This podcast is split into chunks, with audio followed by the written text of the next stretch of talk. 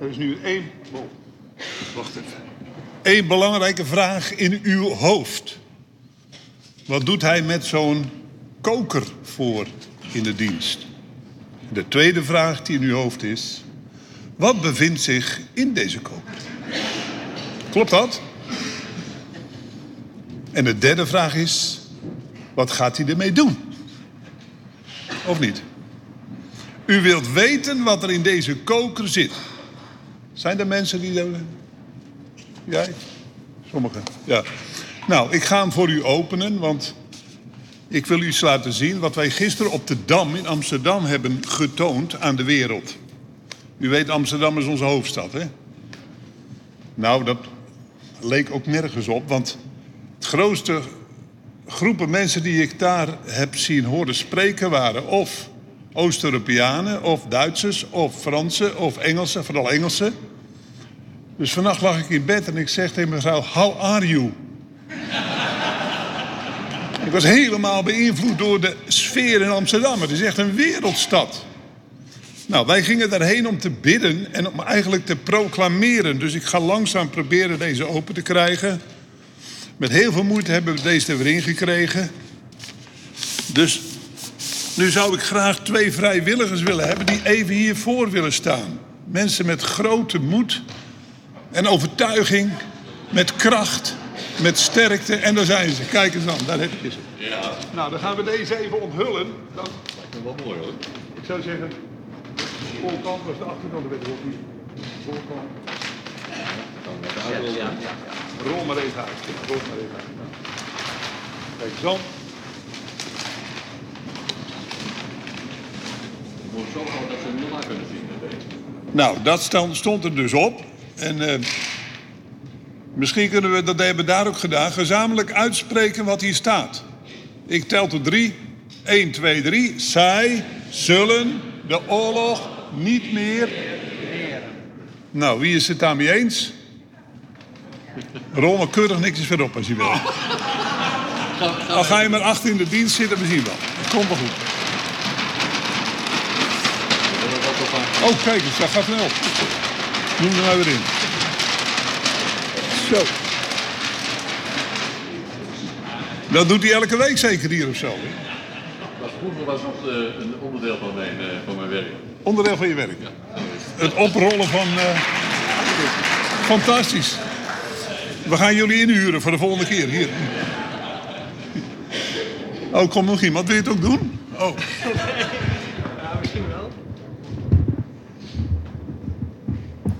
Nou, dit ziet er een beetje grappig uit, maar het was wel bloedserieus. Want een van de ergste dingen die we mee kunnen maken in ons leven is de oorlog. Ik heb het gelukkig zelf nog niet meegemaakt. Maar de oorlog is natuurlijk iets verschrikkelijks. We staan ook nu eigenlijk aan de vooravond van een groeiende oorlogsdreiging. Ik weet niet of de Europese commissielid hebt gehoord. Die zegt, we moeten een oorlogseconomie op gaan bouwen. Waar gaat het naartoe? Heel veel mensen zijn bang voor de oorlog. Ja, waar zijn we bang voor? Ja, als je terugkijkt naar de oorlogen. Eerste Wereldoorlog, Tweede Wereldoorlog. Miljoenen mensen zijn gestorven in oorlogen. En oorlog is eigenlijk de grootste exposure van het Rijk der Duisternis. Deze week zijn er tienduizenden Russen en Oekraïners gedood in oorlog. Nou, op dit moment zijn er zo'n 30 uh, uh, oorlogshaarden in de wereld bezig. Dat is allemaal verschrikkelijk. We gaan Neem het noorden van, van Ethiopië, gingen zo'n 100.000 mensen dood de afgelopen maanden. Door de oorlog. Dus het is een hele, ja, een situatie die natuurlijk verschrikkelijk is, waar het kwaad zich ten volle kan openbaren. De waarheid en de liefde verdwijnt waar de oorlog uh, begint. Ja, dat zie je. Daar ben ik heel bedroefd over. En ook bezorgd, want ik zie dat we aan de vooravond staan van een nieuwe fase. Dat opgebouwd wordt naar een, weer een oorlog. We hebben de Eerste Wereldoorlog gehad, we hebben de Tweede Wereldoorlog gehad en nu. De mogelijkheid is er gewoon dat er een derde wereldoorlog kan beginnen. Nou, dat is natuurlijk een hele uh, uh, dreigende boodschap. Maar de vraag is natuurlijk, vandaar deze poster. Hebben we een antwoord op die oorlogssituaties. Toen in 1918 de Eerste Wereldoorlog over was, uh, kwamen de grote leiders bij elkaar. En die gingen in San Francisco, geloof ik dat het was, die gingen bij elkaar zitten en zeggen: Nooit meer oorlog. Deze verschrikkingen. Ik weet niet of u wel eens documentaires hebt gezien van de Eerste Wereldoorlog. Dat was afschuwelijk. Dit willen we niet meer hebben. Geen oorlog meer. Nou, toen kregen we toch de Tweede Wereldoorlog. Dus weer al die uh, bobo's bij elkaar zitten en zeggen: dat gaan we stoppen, dat gaan we stoppen. Nooit meer oorlog. En toen ontstond de Verenigde Naties. Nou, sinds de oprichting van de Verenigde Naties zijn er weer tientallen miljoenen mensen gedood in oorlogen. En ik hoor het nog, de secretaris-generaal, ik las in zijn boek, voormalig secretaris-generaal van de Verenigde Naties zeggen: Waar komt dit kwaad vandaan? Wij willen allemaal vrede op aarde. We zitten nu in 2023. Het is echt zo triest. Ik word er zo bedroefd van als je dat dan leest en hoort en als je dat dan ziet. Dat die wereld worstelt met die oorlogsdreiging en oorlogssituaties.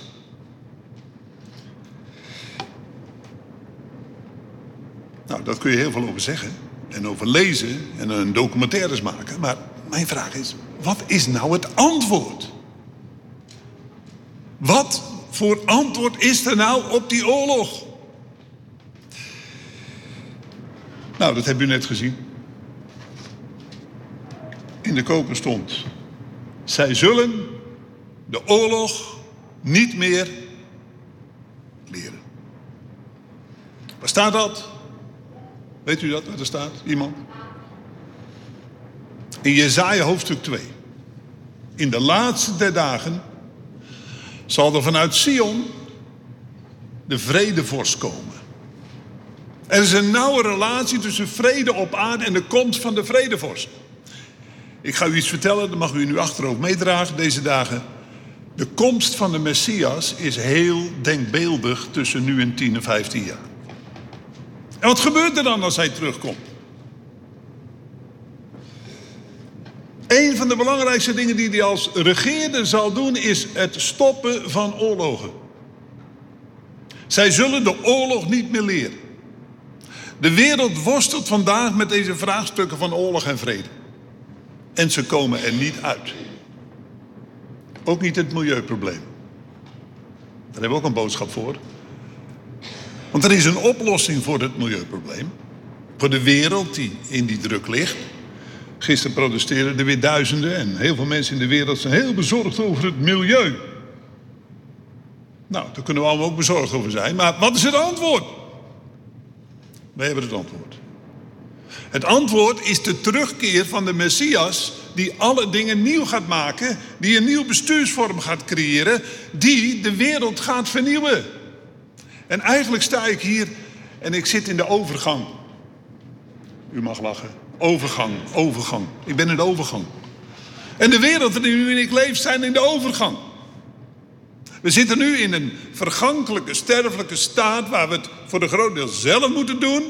Maar we zijn op weg naar een onvergankelijke werkelijkheid die straks bepaald wordt door de onvergankelijke die we net hebben aanbeden. Amen. Dat is de hoop en dat is het antwoord. Er is geen ander antwoord. En waar lees ik dat? Heb ik dat bedacht op een achternamiddag? Nee, dat vind ik in de Bijbel. De Bijbel spreekt over oorlog. Maar de Bijbel spreekt ook over vrede.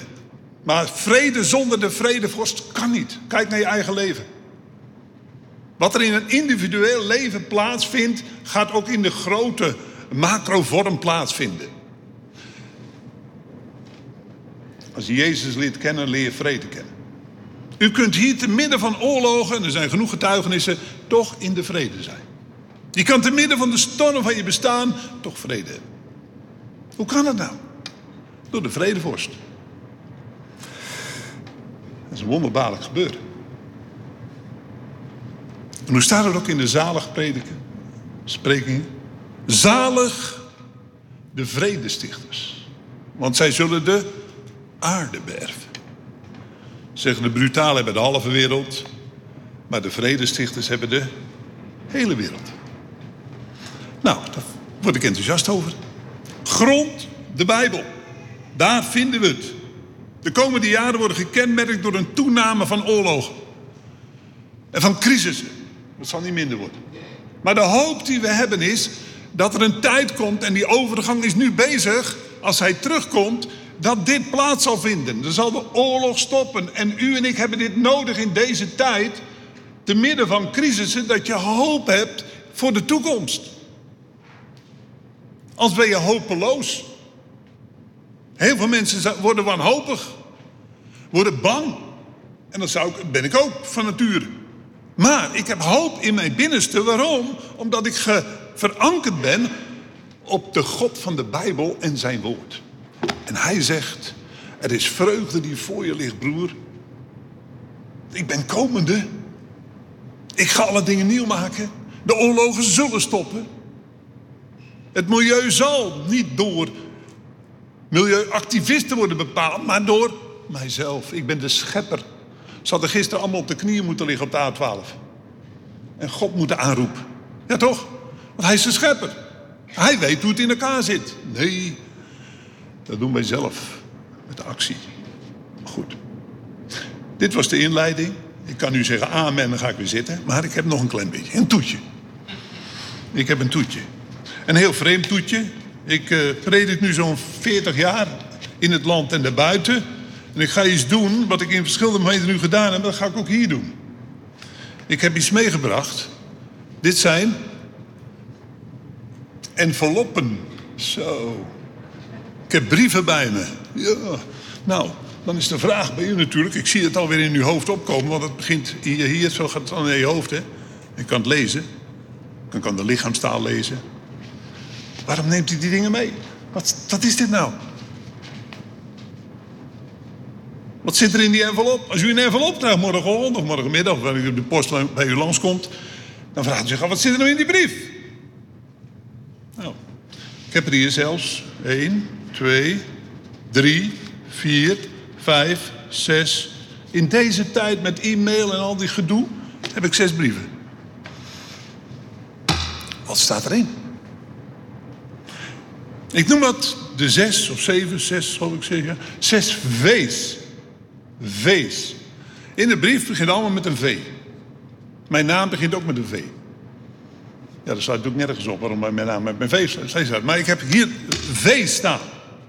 En ik ga die envelop één voor één voor u even openen. Vindt u dat goed? Nadat ik eerst een tekst heb gelezen uit, EV, uit de Colossensebrief. Colossensebrief, hoofdstuk 2. We gaan het hebben over u en mij. Want hier staat iets over u en mij in. Want de Bijbel is niet alleen geschreven een historisch boek, maar hij spreekt ook tot een persoon. Dat maakt hem zo uniek. Niet alleen dat grote wereldgebeuren, hoe geweldig God ook is. Hij is de God van alle volkeren. Dat hebben we gisteren uitgebeden en uitgesproken op de dam. Maar hij is ook het God van het individu. Daarom spreekt hij ook tot ons persoonlijk. En tot jou ook achterin. Ach, nieuwe lofprijzing, jongens. Heerlijk. Dan, gaan, dan moeten ze weg, moeten ze weg, hè. Laat maar huilen, joh. Is toch heerlijk? We zijn familie van God. Nou, ik, ik moet morgen weer oppassen op mijn kleinkinderen. En als ze de zin niet krijgen, dan hoor ik precies hetzelfde wat hij nu doet. nou ja, goed. Colossense 2, vers 6 zegt... Nu gij Christus Jezus de Heer aanvaard hebt... wandelt in hem, geworteld en dan opgebouwd wordend in hem... bevestigd worden in het geloof... zoals u geleerd is, overvloeiende in... het bekende thema van vandaag, in dankzegging... Je kan je geestelijk leven afmeten aan de mate waarin je dankbaar bent. Als u een dankbaar mens bent, hebt u waarschijnlijk innerlijk heel veel dingen van God gekregen. Dat uit je in dankbaarheid. Daarom danken wij ook zoveel. Ik dank God voor het antwoord op de normen, dreiging van de oorlog.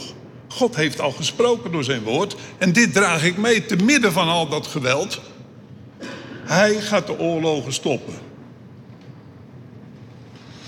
Nu gij Christus Jezus hebt aanvaard. Nou, u en ik zijn bijzondere mensen. Ik heb het hier wel eens meer gezegd. Er is hoop als je s morgens vroeg in de spiegel kijkt. Hè? Heb je vanmorgen nog gekeken en zegt... Ah, Er is hoop. Waarom?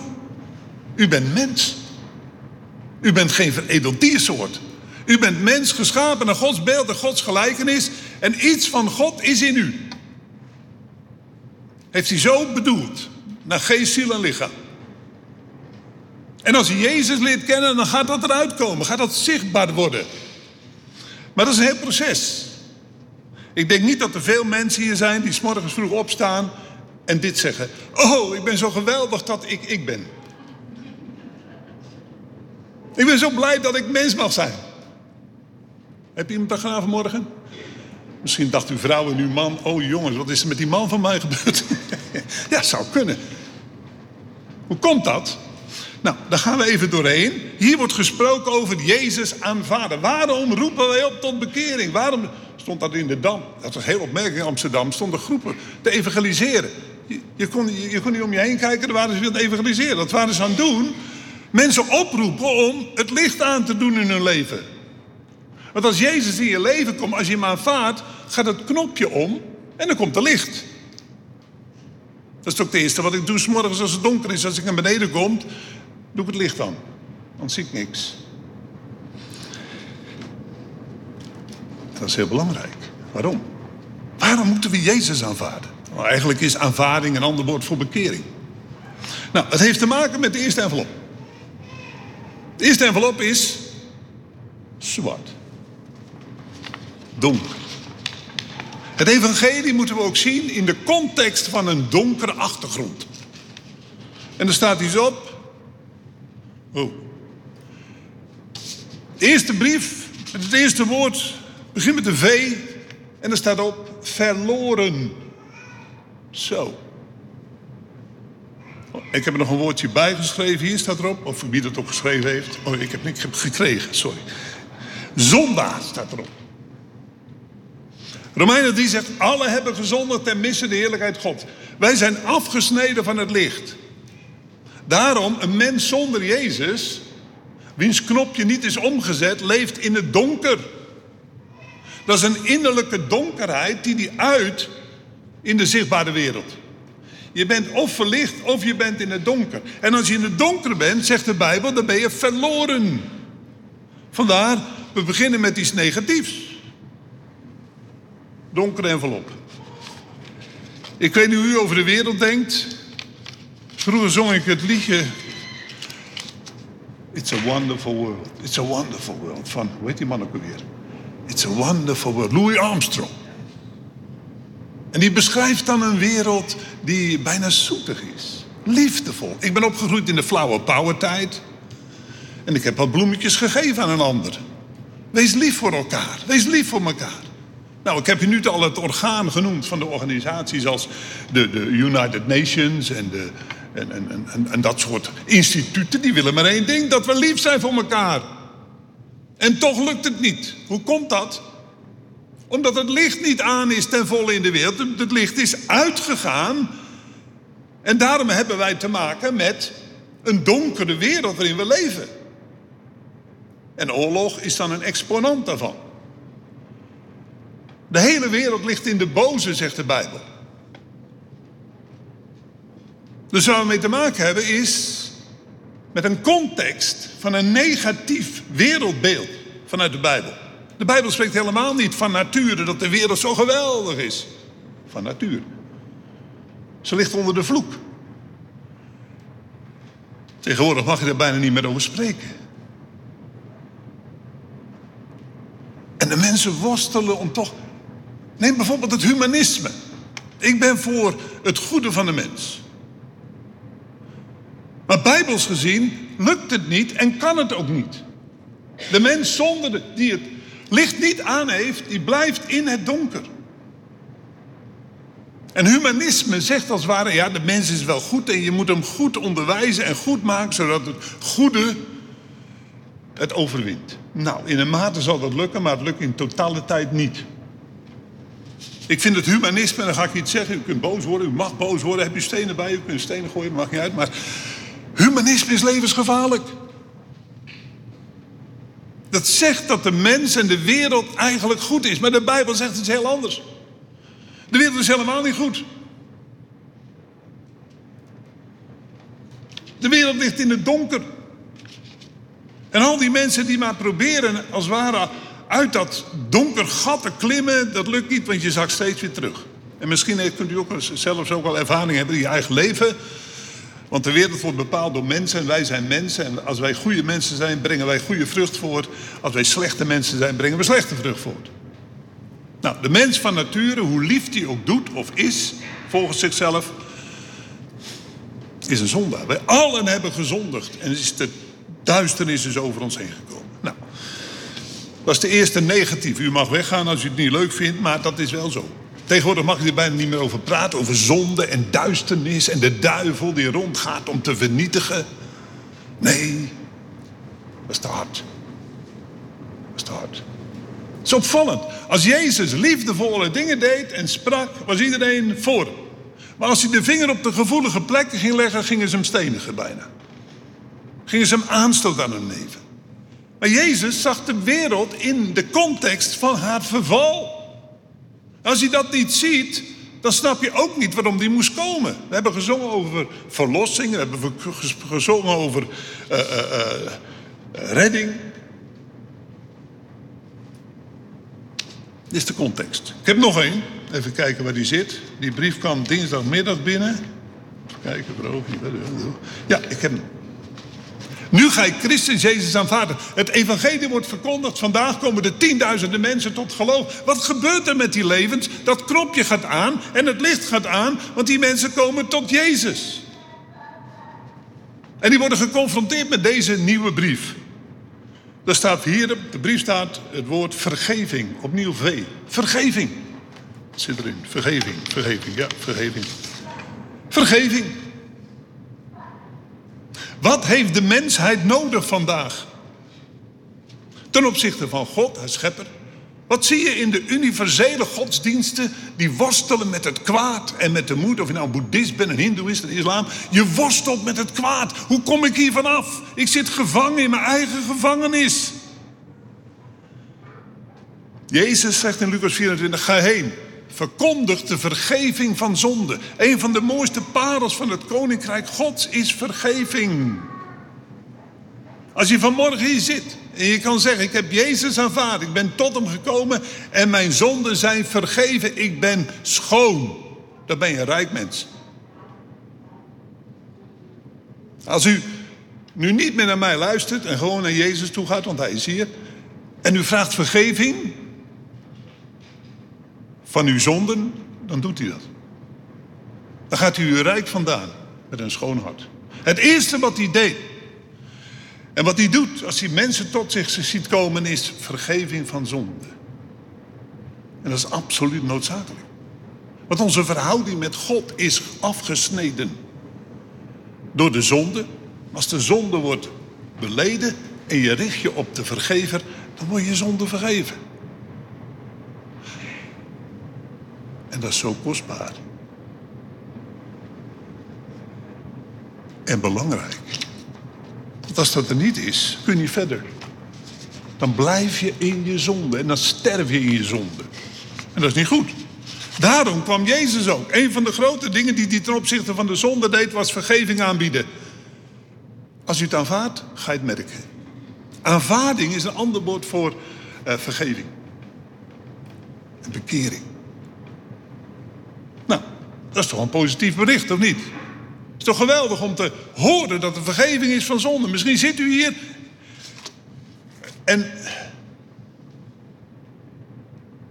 bent u met schuld beladen? Heeft u criminele activiteiten gedaan? Heeft u in de gevangenis gezeten? En nu zijn uw zonden vergeven. Het is onvoorstelbaar.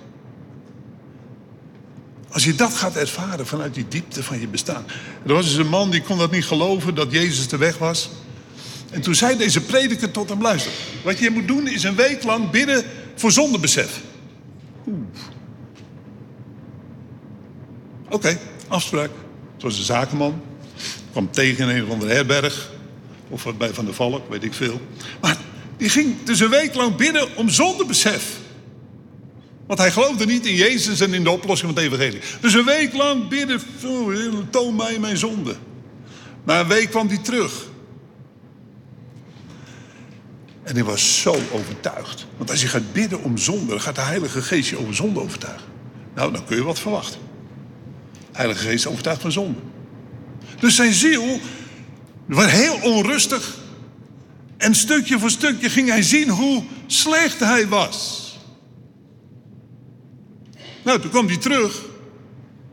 En toen vertelde hij dat. Ik ben zo overtuigd van zonde. En toen heeft hij hem een week weggestuurd en zegt: Ga nu nadenken over vergeving van die zonde. Dus heeft hij een week lang daarmee bezig geweest om die vergevende uh, uh, realiteit van Jezus te ervaren. Hij kwam terug stralend, want hij was werkelijk bevrijd van de zonde.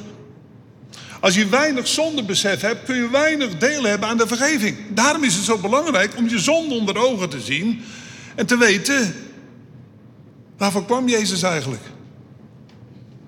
Hij stierf voor onze zonde. De duivel probeert het zondebesef weg te halen.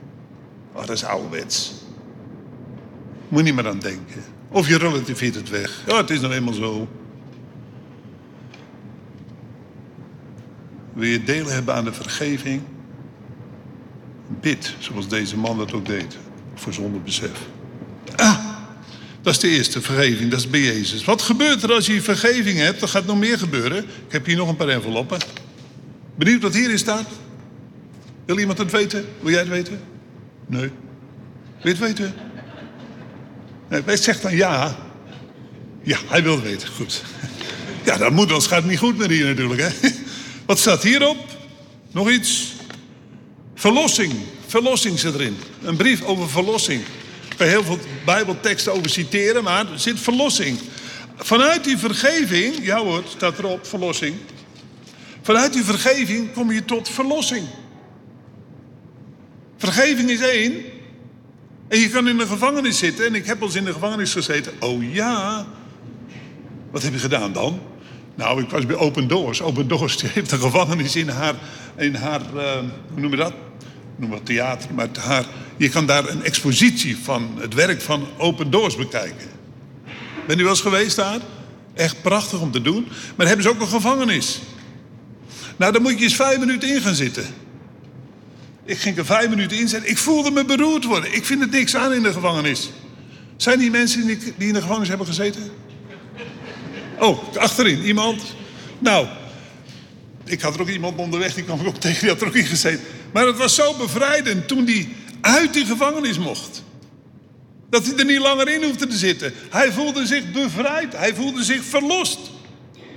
Ik voelde dat ook toen ik alleen maar als theaterstuk erin zat. En er even in zitten, maar ook weer eruit te gaan. Je kan zelfs een dag in de gevangenis gaan zitten in Nederland... Hè, om te proeven hoe het is om gevangene te zijn. Eigenlijk zouden we dat als christen eens een keer moeten doen. Gaat de hele gemeente mee naar de gevangenis. En dan staat er in de krant... de gemeente Ommen zit in de gevangenis. Dat zou fantastisch wezen. Waarom? Proef ondervindelijk om de ervaring als je eruit stapt. Hoe vrijheid krijg je dan niet? Hè, criminelen, het is geweldig om uit de gevangenis te gaan, of niet? Nou, geestelijk kan het ook zo zitten. Mensen zitten van nature in hun gevangenis. Maar wat doet Jezus? Jezus vergeeft, maar Jezus verlost. En hij haalt je uit je gevangenis. En naarmate je met hem wandelt, staat hier ook, wandelt in hem, ga je merken. Je wordt steeds vrijer. Je kan zelfs vergeving van zonde hebben en daar de blijdschap van hebben en daar nog vastzitten. Je bad net voor bevrijding. Zo belangrijk. Dat je vrijkomt. Geestelijk, emotioneel, verstandelijk. Nou, naarmate je meer voedt met de waarheid van Gods woord. Uw woord is de waarheid. En als je de waarheid, die maakt je vrij. En vrijheid kun je ook zeggen, dat is verlossing. Naarmate je meer gedachten hebt die vanuit God komen, word je steeds vrijer.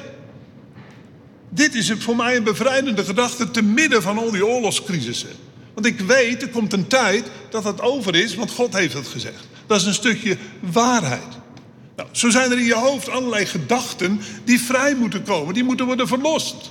Daarom ga je naar de Bijbelstudie, daarom lees je de Bijbel. Je denken moet worden verlost, je wil moet worden verlost. En je emoties moeten worden verlost. En uiteindelijk straks krijg je toetje je lichaam. Straks kan je allemaal verheerlijkte lichaam. Heb je nergens meer last van. Geen kalktenen. Geen kunstgebitten meer. Allemaal weg. Dat is allemaal waarheid vanuit de Bijbel. Hij maakt je vrij. En er staat hier, hij kwam om te verlossen. Nou, heerlijk om verlost te zijn. Denkt u aan het verhaal van die verloren zoon? Het begint ook al met een V, de verloren zoon. Ik moet even kijken, want ik ga, als ga ik door tot half vier vanmiddag, dat doen we maar niet. Verlossing, vergeving hebben we gehad. De donkerheid hebben we gezien. En dan komen we met de volgende. Wat gebeurt er als je verlost bent? Wat is nodig? Dit is nog allemaal iets in het negatieve spectrum van donkerheid. Je hebt vergeving nodig en je moet verlost worden. Maar dan gebeurt er wat. Vanuit die verlossing heb ik nog een brief gekregen. En daar staat op het woord, een heel belangrijk Bijbels woord, dat is vervulling, ook met een W. Een van de grote uh, onderwijzingen van Jezus was: word vervuld met mijn geest.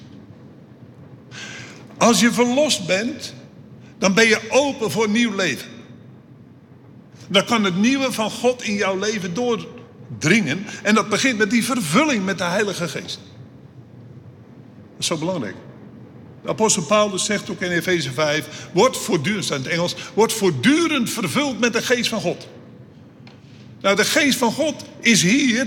Jezus zit daar. De Vader zit daar. En die geest, die neemt uit de Vader en de Zoon, is de geest van de waarheid, de geest van leven. En die komt tot je als je erom bidt. En dan gaat hij je vervullen. En dat is niet eenmalig. Elke dag mogen we bidden: Heer, vervul mij met uw geest. Zodat die geest jouw ziel verder vernieuwing kan brengen, verandering kan brengen. Want God transformeert je. Je bent geroepen voor een eeuwige, onvergankelijke bestemming. En dat is nu begonnen. En de geest laat het je zien. En de geest vervult je. Ik merk ongekend enthousiasme over deze vervulling met de Heilige Geest. Amen. Goed zo, geweldig. Ja, joh, dat is toch een van de grootste dingen die Jezus beloofd heeft. Ik zal mijn geest zenden als ik in de hemel ben. Toen hij daar als koning werd ge uh, geëerd en alle macht bevestigd werd in de hemel, stortte hij die geest uit. Had hij beloofd. En als je iets belooft, dan moet je het ook doen. Vind ik heel belangrijk. Als je iets belooft, moet je het doen. Jezus beloofde het, ik zal hem zenden, heb het gedaan. Anders zouden we hier niet zitten.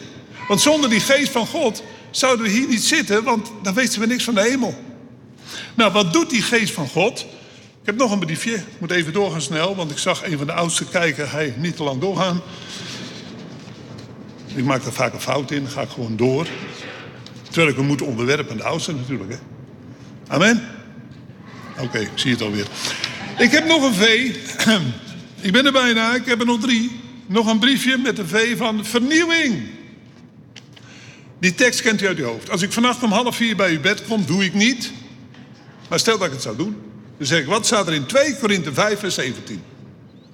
Een van de eerste teksten die ik leerde toen ik tot geloof kwam. Zo is dan wie in Christus is een nieuwe schepping. Wat zegt u? Ja, hier, kijk. Onze schriftgeleerde weet er ook alles van. excuus, excuus. Sorry, sorry, sorry.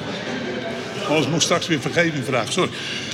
Dat moest ik vorige week ook ergens doen, ergens anders. Maar goed, oké. Vernieuwing, vernieuwing. Vernieuwing is niet iets wat je zomaar eventjes uit je binnenzak haalt. Het is niet goedkoop. Het is een proces. Je gaat van vernieuwing tot vernieuwing. Als u vanavond naar bed gaat, ongetwijfeld, nu of half elf, elf uur, dan bent u weer een nieuwer mens geworden.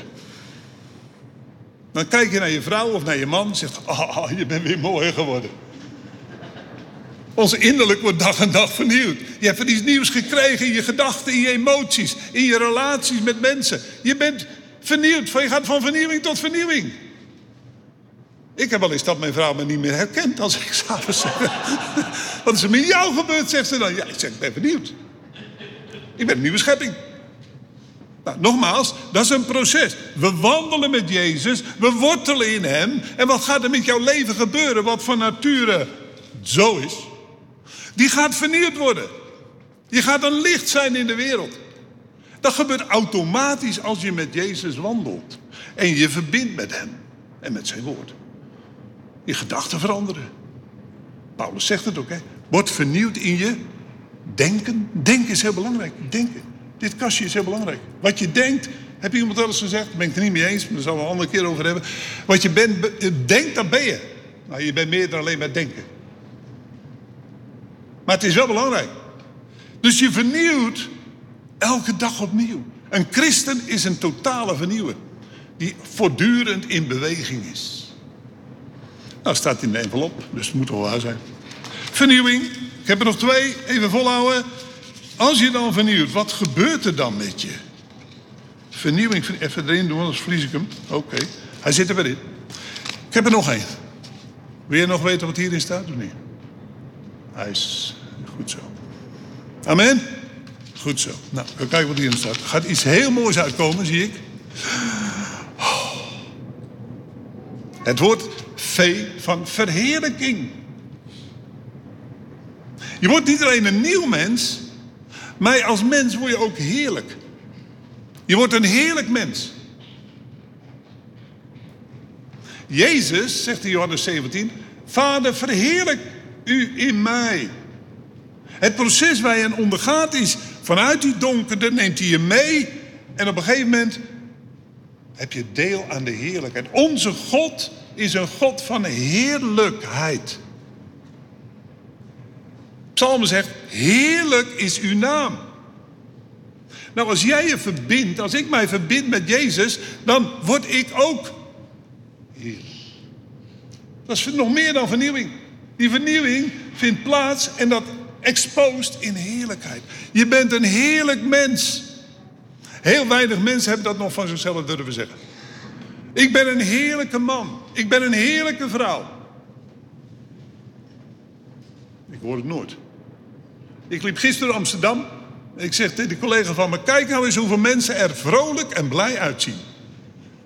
Nou, ik heb sommigen gezien, maar die kwamen net uit de koffieshop. Die liepen een beetje te zwalken over die, uh, over die straat. Ik denk, ja, heel weinig mensen. De meesten zaten hier nog in. Daarom waren ze het evangeliseren. Breng mensen tot Jezus. Want Jezus maakt jou heerlijk. Die verandert jou. Ik weet niet hoe u de eeuwigheid wilt doorbrengen. Maar de eeuwigheid spreekt over de heerlijkheid van God in de hemel. De leger des heils zegt het zo mooi. Als je sterft, dan word je bevorderd tot... Uh, zeg het eens. Heerlijkheid. Heerlijk. Misschien heeft u nu nog wel eens moeite met mensen, zelfs gemeenteleden. Terwijl u in uw gedachten denkt... Oh, die man, die vrouw. Och, jongens, toch. Die kijkt zo zaggerijnig en die is zo arrogant. En oh, die vrouw heeft weer een nieuwe jurk. Ze moest zeker weer een nieuwe jurk kopen of zo. Maar negatief naar beneden gedrukt. Terwijl de Bijbel zegt, heb elkander van harte lief. Nou, het lijkt onmogelijk. Want wij Nederlanders zijn nogal oordeelszuchtig, negatief. Kunnen elkaar meer in de hoek drukken dan eruit halen. Maar ik heb hoop. Een hoopvolle gedachte. Staat in de brief. Al die mensen die met Jezus wandelen worden verheerlijkt. Ze in de hemel zijn ze vol van heerlijkheid. En dan zeg je, wat ben jij een mooi mens. Wat ben je een heerlijke man, wat ben je een heerlijke vrouw. Dat gaat gebeuren in de hemel. Hou vol, hou vol. En dan de laatste. Ik heb nog een laatste brief. Mag ik die nog even openen? Kan dat nog? Mag dat nog? Oké, okay, komt hier. De laatste brief. Er staat iets in wat we ook niet kunnen geloven. Dat vernederde mensje, waar Psalm 8 over zegt, God heeft ons bijna goddelijk gemaakt. En Jezus kwam om ons te herstellen, gaat ons uiteindelijk, staat hierop, verhogen. Je wordt belangrijk. We kunnen het bijna niet geloven. Wij zijn een koninklijk geslacht. Als we Jezus blijven volgen, en volharden tot het einde toe, dan zullen we regeren als koningen staan. Jezus, die zich vernederd had, werd uitermate verhoogd en heeft de naam boven alle namen ontvangen. Omdat elk een in de hemel, op de aarde en onder de aarde zal buigen voor hem. Dat gaat geschieden. Dat is de juridische, uh, uh, vastgestelde uh, doelstelling van God in de hemel. En het mooie is, hij wil dat wij ook met hem worden verhoogd. Als u nu moeite heeft, en elkeen heeft moeite met, om, als, hij, als hij Christus volgt, dan ga je door moeilijke dingen heen. Maar dan word je gevormd om verhoogd te worden. Je wordt verhoogd. Hij wil ons maken als koningen. U kunt zich dat helemaal niet voorstellen. Ik ben een koning, ik ben helemaal geen koning. Maar straks in de hemel zijn de, zijn de, zijn de verhoudingen iets anders. Er zijn nu duizenden christenen die worden vervolgd. Er zijn tienduizenden die zijn als martelaar gestorven. Maar dat is niet het einde. De dood is een deur. En die worden straks in de hemel, krijgen ze posities in de geestelijke wereld. Nou, u en ik zijn ook op weg. We zijn begonnen vanmorgen door te zeggen, oh we zijn hiermee begonnen. Er is hoop. Daar staan, hoop. We zijn begonnen met het negatieve. En daar kunt u mee eens zijn of niet. Maar de werken in de wereld zijn boos en er is geen hoop van de wereld. Er komt geen hoop meer van de Verenigde Naties. Er komt geen hoop meer. Ze kunnen de boel een beetje stutten. De grootste VN-macht zit in Congo al tientallen jaren. En er is geen oplossing. Maar we hebben gezien, als we Jezus aanvaarden, dan gaat die vergevingsproces in werking. De verlossingsproces gaat in werking. En ik weet niet waar u zit vanmorgen. U zit op een van deze categorieën. Misschien ervaart u wel, ik ben een nieuwe schepping. Halleluja. Of misschien zegt u, oh, ik voel me een heerlijk mens. Nee, is Jezus in uw leven bezig. Dat doet hij. Dat is een vrucht die je niet op je bankrekening ziet, maar die zit van binnen. Dat zijn de schatten van de hemel die je mee mag dragen in je leven vandaag en mee mag nemen de toekomst in. Dat zijn de rijkdommen van het evangelie. Waar kiezen we voor? Of dit? Of als ik hier 100 miljoen heb, dan mag u kiezen. Dan weet ik dat de meeste mensen van nature, en ik ben er één van. Oh, ben jij al? Uh, hij is een beweegbaar type, hij is in proces. Zie je dat? Mooi. Nou, dat gaat dus dwars door alles heen. Kiezen we voor het evangelie, voor de smalle weg. En kiezen we voor de weg van Jezus met enorm veel vrucht. Dus ik zou zeggen, ga door. Geef het niet op. Hoe groot de duisternis ook is, het licht van Jezus overwint. Amen. Amen. Laten we bidden. Vader, dank u dat u bezig bent om ons te veranderen. Vanavond zijn we weer een stukje nieuwer. Als we met u leven. Er gebeuren allerlei dingen om ons heen en in ons die ons tot verandering brengen. Ik prijs u daarvoor, Heer, dat u daarvoor gekomen bent.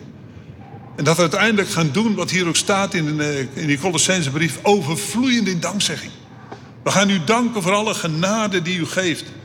Dwars door het lijden en strijden heen worden we nieuw, mooi, gave mensen. En van nature zo donker als de nacht. En soms ervaren we nog die donkerte als we onze zonde vasthouden. Maar als we het loslaten en onze vergeving toelaten, dan gaat u werken in ons leven. Vader, we prijzen u voor uw genade op deze dag. Amen. Amen.